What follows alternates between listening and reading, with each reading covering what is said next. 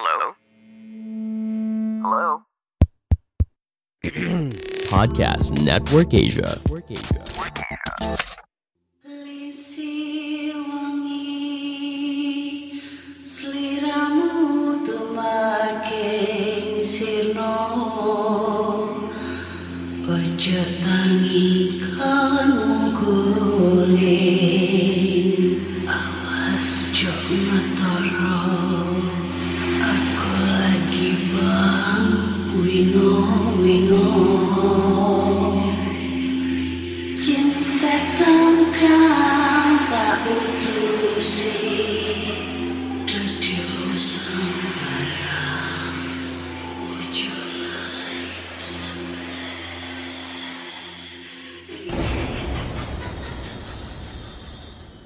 Hai Rek, iya apa kabar Ketemu lagi dengan aku si Ana di podcast kisah horor. Kita akan bacakan cerita horor ataupun email berhantu yang sudah dikirimkan teman-teman melalui podcast kisah horor at gmail.com atau di Instagram podcast kisah horor serta Google Form yang lainnya tersedia di Instagram podcast kisah horor. Wow, ngomong apa ya? Ah itulah pokoknya. ya udahlah, tanpa basa-basi lagi aku udah eh, bingung mau opening apaan ya. Langsung aja kita bacakan cerita horor nih dan cerita pertama ini datang dari email. Judulnya adalah sosok yang menyerupai adikku. Hai Kak Ana. Perkenalkan namaku Arum dari Batam. Halo Batam. Wah akhirnya gua dapat cerita dari Batam nih. Kejadian ini baru terjadi belum lama ini. Suatu pagi sekitar jam 10, aku baru saja selesai mencuci baju.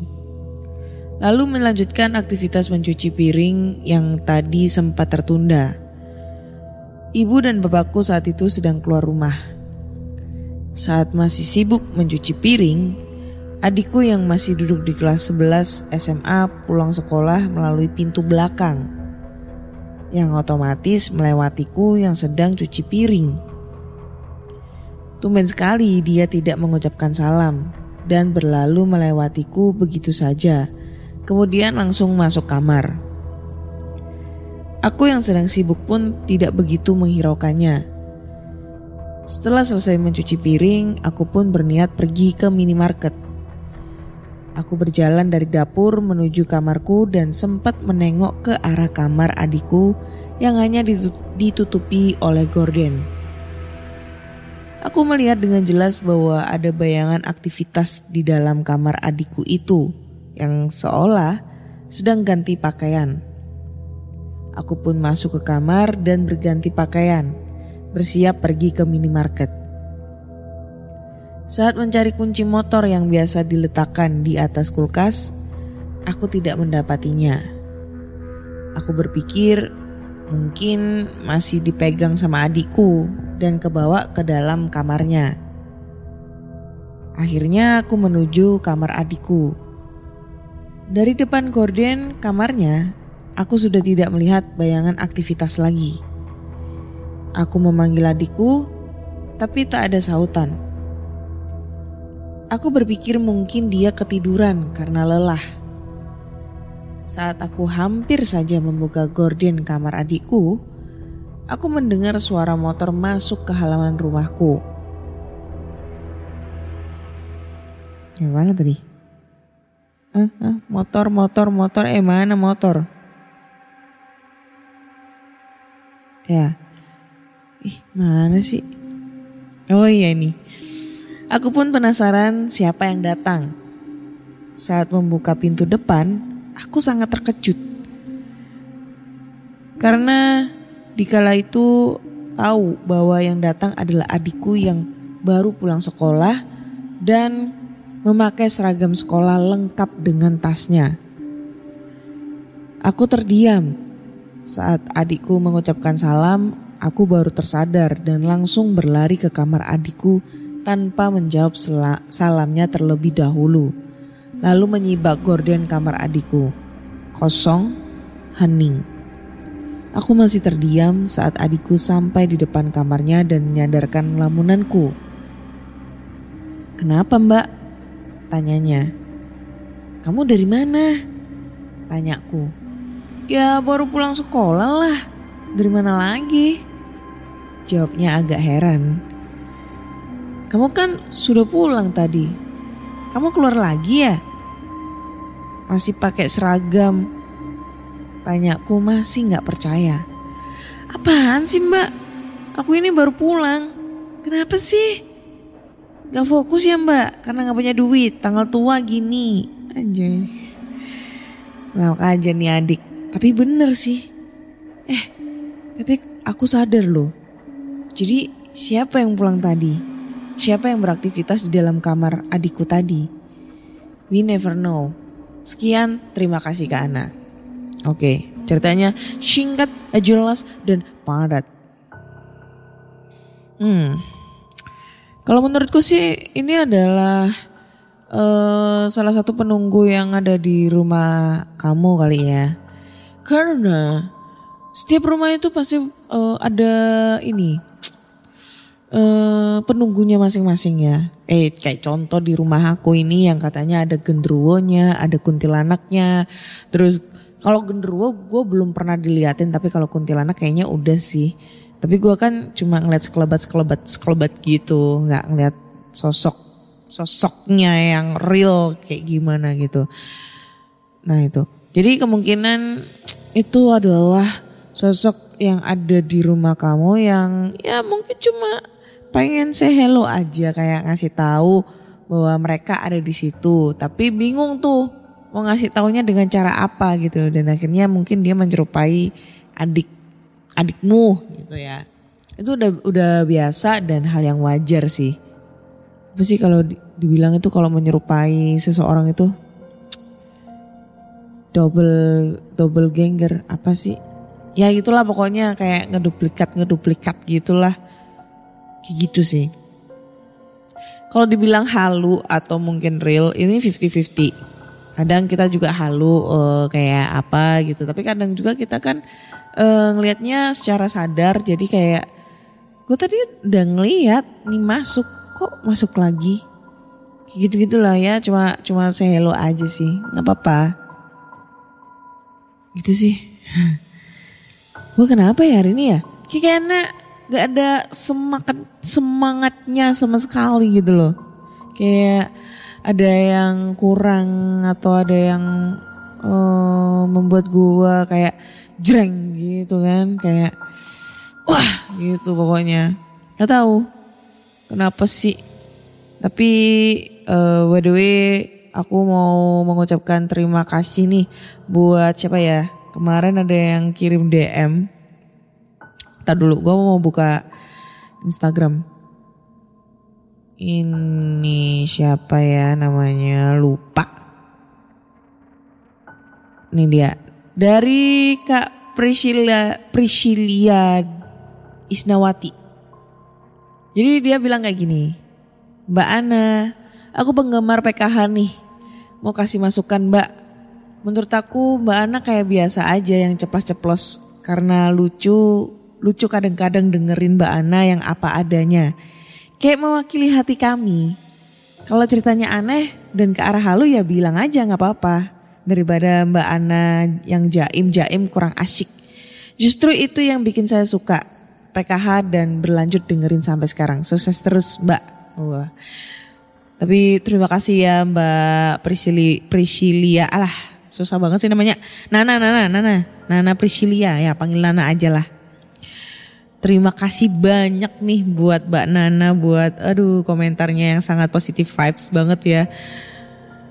Sebenarnya aku tuh pengen banget uh, kembali seperti kayak PKH di awal-awal ya yang selalu uh, apa adanya ceplos-ceplos ya yang menghibur teman-teman semua. Tapi jujur ya, semenjak uh, banyaknya netizen-netizen yang yang apa ya yang pada komentar, gue kayak selalu berintrospeksi diri gitu kan, berusaha untuk merubah dan pada saat gue tidak nyaman dengan perubahan itu kembali ke uh, riset pabrik awal itu susah banget coy. Kayak ada yang ngeganjel gitu loh. Tapi gue berusaha untuk kembali lagi ke produk awal gitu yang yang ceplas-ceplos, yang apa adanya, yang menghujat para pendeng, pencerita gitu ya supaya ceritanya itu nggak ngawur gitu. Jadi saya harap uh, teman-teman semuanya tidak bosan mendengarkan podcast kisah horor. Begitu guys. Next, lanjut ke cerita berikutnya karena cerita ini sangat singkat. Oke. Cerita berikutnya ini datang dari email lagi. Nggak ada judulnya, jadi langsung aja kita bacakan ya. Oh ada sih. Judulnya nggak disubjek bro. Judulnya adalah Di Belakang Tangga. Assalamualaikum warahmatullahi wabarakatuh. Selamat malam Mbak Ana dan pendengar podcast cerita horor yang budiman. Podcast kisah horor ya, bukan podcast cerita horor nih. Halo, nama saya Kasuya. Nama samaran. Hendak berbagi kisah mistik yang saya alami pada saat kuliah di Malang. Langsung ke cerita aja ya. Oke, begini kisahnya. Ada, kok error HP ku? Dulu. Oke. Uh, selama di Malang, berpindah-pindah tempat tinggal tidak pernah mengalami hal-hal mistik dari ngekos sampai ngontrak rumah Singkat cerita, dibelilah sebuah rumah. Seiring bertambahnya anggota keluarga yang mau kuliah di Malang, sekalian investasilah. Rumahnya terletak di pinggir jalan. Di daerah yang terdapat banyak tempat kos yang pada umumnya banyak anak luar pulau Jawa. di daerah ini juga nggak jauh dengan kampus-kampus ternama di Malang Rumah saya ini bangunan yang baru jadi, bukan bangunan lama. Kamarnya ada delapan, cuma biasanya rumah bertingkat ke atas tapi ini ke bawah, underground. Jendela kamar tidurnya ada di dalam rumah, kecuali jendela yang di ruang tamu, ruang tamu depan dan dapur.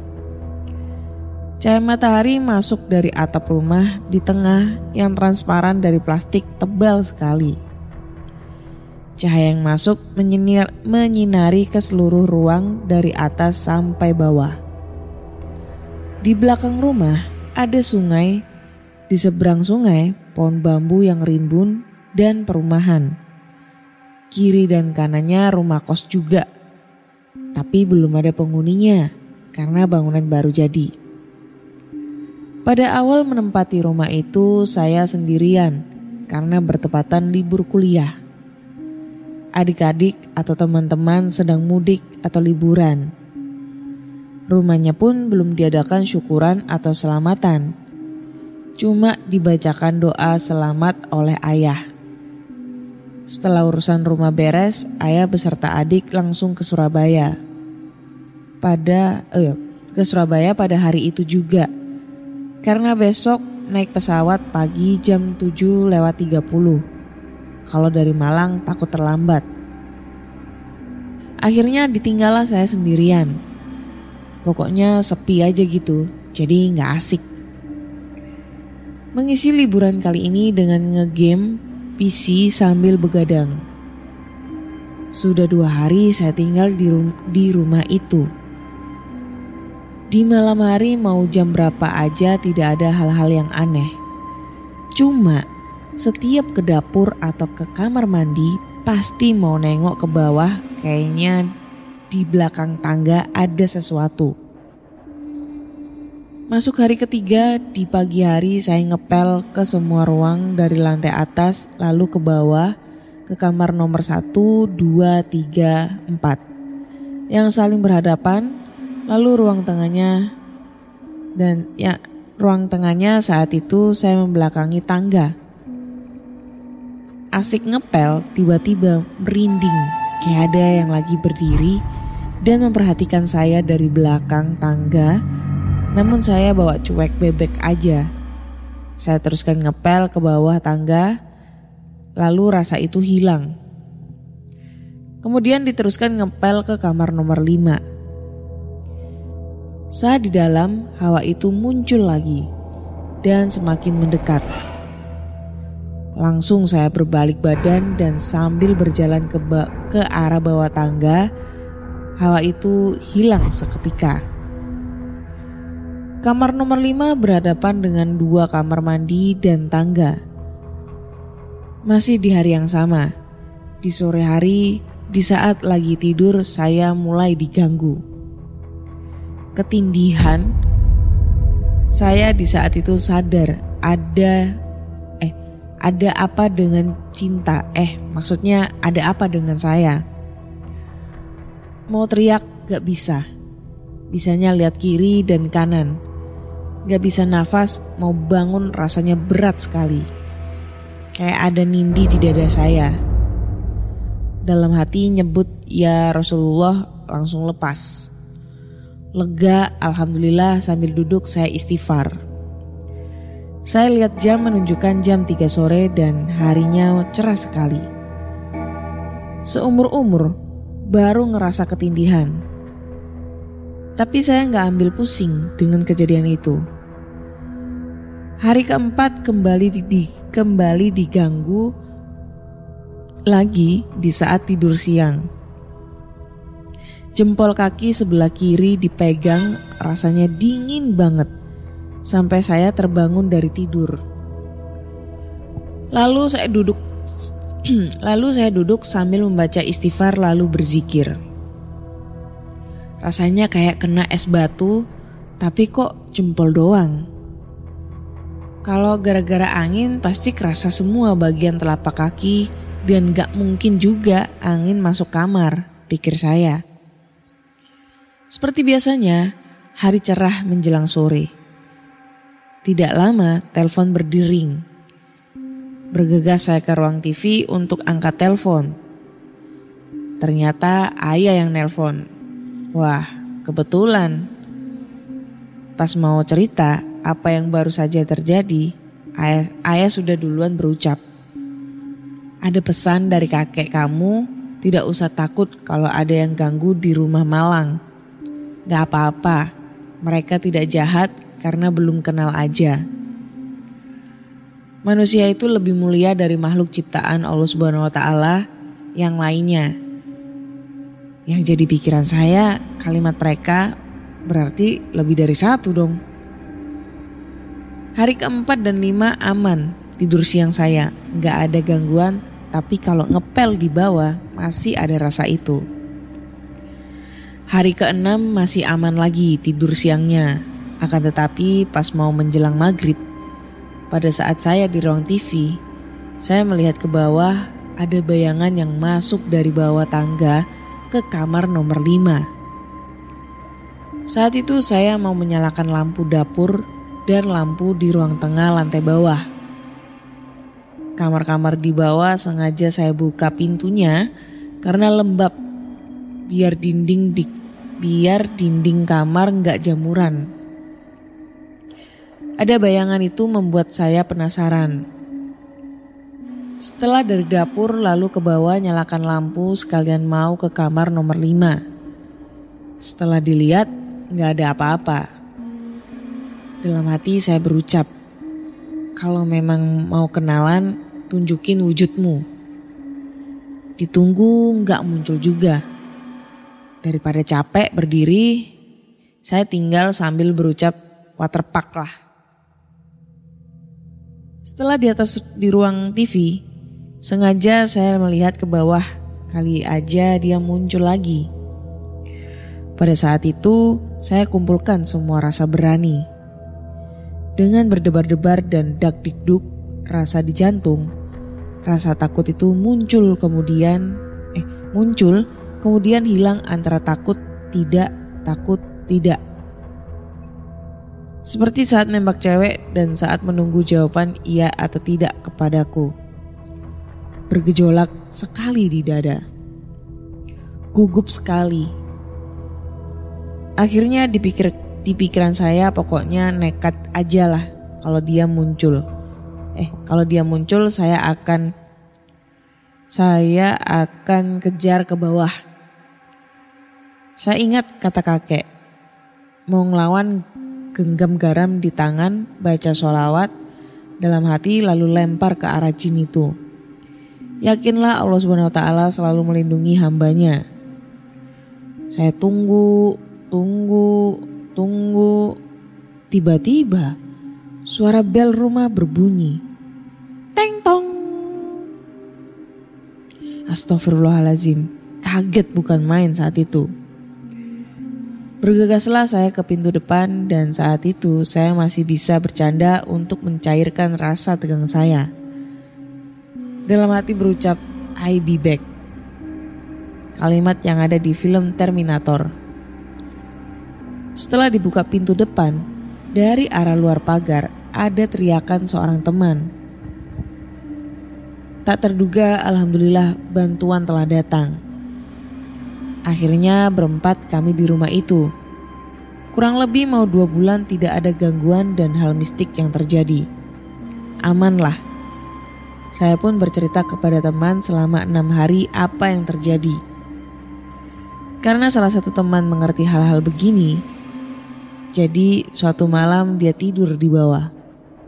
Pengen tahu ada apa sebenarnya di bawah tangga. Keesokan harinya dia cerita dia ditemuin jin cewek cantik di mimpi. Dia berkata bahwa dia penunggu di bawah tangga. Dia ada sebelum rumah ini dibangun. Oh, bebinian, bahasa Banjar. Kalau bahasa Indonesianya artinya cewek. Tidak terasa udah setahun lebih tinggal di rumah itu. Kamar-kamar sudah terisi semua. Di lantai atas diisi oleh saya, adik-adik, dan paman. Kalau paman tidurnya bisa di ruang TV atau ruang tamu. Kedua ruang ini cukup luas. Sedangkan di lantai bawah untuk dikoskan. Lima kamar sudah terisi semua. Yang kos pun sama-sama satu daerah denganku, udah saling kenal. Bisa dibilang kosnya arek Kalimantan. Singkat cerita, ada kejadian kos eh ada kejadian yang membuat panik seisi rumah. Kejadian itu terjadi kira-kira jam 7 malam di kamar nomor 5. Pada saat itu setelah pulang kuliah, dia kecapean langsung rebahan. Tidak lama kemudian ada yang pegang kakinya sebelah kiri. Dia pikir ada teman lagi bercanda. Tapi kok Pintu kamar nggak kedengeran bunyinya kalau dibuka. Dan rasanya dingin sekali menyentuh kulit. Kayak bukan tangan manusia. Pas buka mata, terlihat sosok hitam yang samar-samar lagi jongkok. Adik kos ini terpukau, terdiam sejenak. Tiba-tiba menghilang bayangan tersebut. Saking kagetnya, teriak istighfar beberapa kali lalu menjeritlah minta tolong sambil menutup mata lagi saking takutnya apa yang dilihatnya tadi. Saat itu anak-anak yang lain di ruang TV hanya adik kos kamar nomor 5 yang di bawah. Mendengar teriakan itu spontan mereka semua ke bawah menuju kamar nomor 5. Di waktu yang sama, saat kejadian saya dan paman lagi berada di bis Damri menuju terminal Purbaya, sepulang dari rumah bibi. Yang aneh, paman jadi pendiam. Di dalam perjalanan Surabaya Malang pun diam diam sambil menutup mata. Tidak seperti biasanya. Pamanku orangnya suka ngobrol dan bercanda, aneh aja gitu. Kupikir di dalam bisnya ada sesuatu yang mistik. Tapi kok nggak ada yang aneh, biasa aja. Pamanku dibilang punya kelebihan. Akhirnya aku pun bertanya, ada apa gerangan? Dijawab paman, di rumah Malang penunggunya lagi iseng. Dia sebenarnya beberapa kali iseng, tapi tidak bersentuhan. Tapi kali ini nyentuh. Waduh, selama di perjalanan jadi kepikiran yang macem-macem. Waktu itu Surabaya Malang ditempuh nggak nyampe dua jam. Karena musibah lumpur lapindo belum terjadi. Puh, sebelum 2006 dong. Akhirnya nyampe di rumah, semua penghuni rumah ngumpul di ruang TV. Paman langsung tenangkan adik kos nomor 5. Dengan air putih yang dibacain disuruh minum dan membasuh muka dengan air tadi. Saat itu juga paman turun ke lantai bawah. Dan aku menyuruh adik kos nomor 5 untuk sementara tidur di kamar adikku. Sambil menunggu paman, adik kos yang lain bercerita. Adik kos nomor 3, waktu itu dia di rumah sendirian tidak ikut malam mingguan ke Batu karena banyak tugas kuliah yang menumpuk.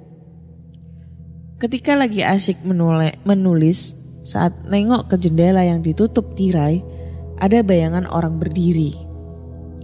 Loh, kan cuma dia yang di rumah, dipikirnya. Saat itu dia buka tirainya langsung hilang bayangan itu. Dia anggap biasalah. Lalu adik kos nomor satu terjadi saat sore hari. Pada waktu mau mandi. Kamar mandi pertama sebelahan dengan kamarnya dan saat itu lagi dipakai karena kedengaran orang lagi mandi.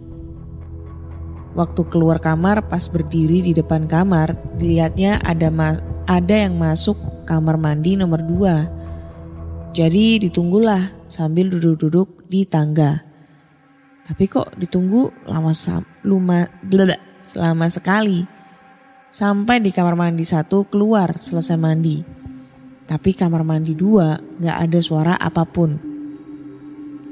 Karena penasaran, diketoklah pintunya. Tidak ada jawaban. Didorong pintunya tidak terkunci. Terbukalah pintu itu dan ternyata kosong, gak ada siapa-siapa.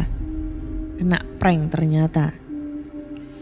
Tidak lama kemudian paman naik ke atas, lalu menjelaskan bahwa yang iseng itu jin cewek. Sebenarnya nggak iseng, cuma perhatian. Kesian melihat adik kos nomor 5 kecapean. Apa pun alasannya paman tetap marah karena beda alam. Saat itu mau diusir langsung oleh paman. Untungnya paman bertanya bagaimana baiknya ke aku. Akhirnya saya putuskan tidak diusir. Hidup damai berdampingan. Setelah kejadian itu aman terkendali tidak pernah lagi terjadi hal-hal mistik apa pun. Dan setiap mau ke belakang tidak ada lagi energi yang menarik mau dilihat ke bawah di belakang tangga. Sekian kisahnya yang gak seram tapi true story. Kalau melihat penampakan itu rezeki. Pendapat saya apa pun yang terjadi tanpa seizin atau kehendak Allah SWT tak akan jadi. Makasih sudah dibacakan kisahnya. Mohon maaf kalau ada salah-salah kalimat atau tulisan. Harap maklum. Semoga Mbak Ana sehat selalu dan dimurahkan rezekinya. Amin. Sukses dan jaya selalu untuk podcast kisah horor. Jaya, jaya, jaya, jaya. Wah, wah, wah. Oke, ceritanya selesai guys. Ya, seperti cerita yang pertama ya. Ya namanya juga setiap bangunan itu pasti ada pen, ada penghuninya selain manusia. Setiap manusia eh iya, kita juga hidupnya tuh nggak sendiri, berdampingan. Maksudnya berdampingan itu berdampingan dengan eh, beda alam ya, makhluk goib. Khodam gitu ya. Kayak gitu-gitu. Jadi ya hal yang wajar sih. Karena eh, diceritakan itu bangunannya kan baru tuh dan itu bangunan baru. Maksudnya bangunannya itu kan dia baru tinggal di sana dan kebetulan itu baru bangun buk dari lahan kosong terus dibangun bangunan baru bukan rumah lama terus direnovasi gitu. Jadi ya itu tadi kata si pamannya tadi cuma pengen kenalan coy. Gitu kan? Jadi kayak kenalan halo aku di sini loh aku penunggu lama di sini. Mari kita berteman kayak gitu gitu jadi cuma kayak pengen kenalan kenalan gitu. Anjrit kaget gua. Fuck Iya pengen kenalan kenalan gitu. Terus karena mereka bingung ya mau kenalannya dalam bentuk apa karena kita tahu sendiri. Kalau kita melihat sosok wajahnya yang sangat jelek atau apa pun itu juga takut gitu. Makanya mereka eh, memberikan suatu perkenalannya itu dengan metode suara. Atau mungkin eh, kayak tadi yang menyerupai teman saudara gitu kan atau lagi kayak eh, mungkin eh kayak tadi tuh pegang jempol kaki terus ternyata dingin. Itu kenalan coy. Kan nggak mungkin tiba-tiba lu digenggam gitu terus ditarik gitu kan nggak. Paling cuma dipegang jempolnya ih dingin ya gitu. Hmm rinding coy. Oke deh lanjut gas kan masih gitu. Ah, pokoknya kayak gitu gitulah jadi hal yang wajar itu ya. Jadi buat buat teman-teman semua kalau kata temen aku sih ya kalau kalian pengen tahu di rumah kalian penunggunya siapa ya katanya sih katanya ya. Mungkin setiap jam 12 malam kalian di dalam kamar matiin lampunya terus eh, tidur biasa. Atau gak gitu kalian melek lah di jam segitu tapi dalam kondisi kamar kamarnya itu gelap. Kalau kalian posisinya dalam keadaan melek terus tiba-tiba ngelihat sesuatu atau kayak ngerasa ngelihat sosok bayangan di dalam kegelapan itu, berarti rumah kalian ada penunggunya coy. Kayak gitu. Tapi kita kan nggak bisa tahu tuh penunggunya itu bentuk realnya itu mungkin cewek, mungkin cowok atau mungkin anak kecil kita nggak tahu. Jadi kita cuma bisa ngelihat sosok bayangannya aja. Berani silakan dicoba di rumah masing-masing ya. Kalau gue sih eh karena gue emang tidak pernah mempraktekkan itu, tetapi setidaknya gue tahu penunggu di rumah gue itu siapa karena gue udah pernah diliatin sekelebat sekelebat gitu, gitu guys. Oke, kayaknya cukup sekian dulu di episode kesekian ini di season 3 nih. So buat teman-teman kalau kalian punya cerita-cerita horor, kalian bisa langsung aja kirim cerita kalian ke podcast kisah horor at gmail.com atau di Instagram podcast kisah horor serta Google Form yang linknya tersedia di bio Instagram podcast kisah horor. Jangan lupa dengerin podcast kisah horor di Spotify, Google Podcast, Apple Podcast, serta di Noise. Jangan lupa juga kasih rating bintang 5 buat podcast kisah horor di Spotify. Karena sekarang kalian sudah bisa memberikan rating yang terbaik untuk podcaster kesayangan kalian. Terus kalau kalian penasaran banget dengan channel YouTube aku yang tentang explore-explore tempat terbengkalai dan minggu sepertinya minggu bakal kita upload episode terbaru. Kalian bisa langsung aja mampir ke channel YouTube aku, ya YouTube aku namanya Ana Olive A N N A O L I V E. Jangan lupa subscribe, like, komen dan share. Oke? Akhirnya saya Ana undur diri dan terima kasih sudah mendengarkan podcast kisah horor. Bye bye.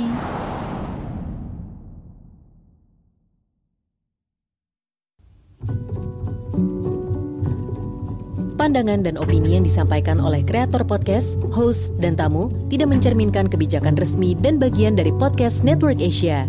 Setiap konten yang disampaikan mereka di dalam podcast adalah opini mereka sendiri dan tidak bermaksud untuk merugikan agama, grup etnik, perkumpulan, organisasi, perusahaan, perorangan, atau siapa pun dan apa pun.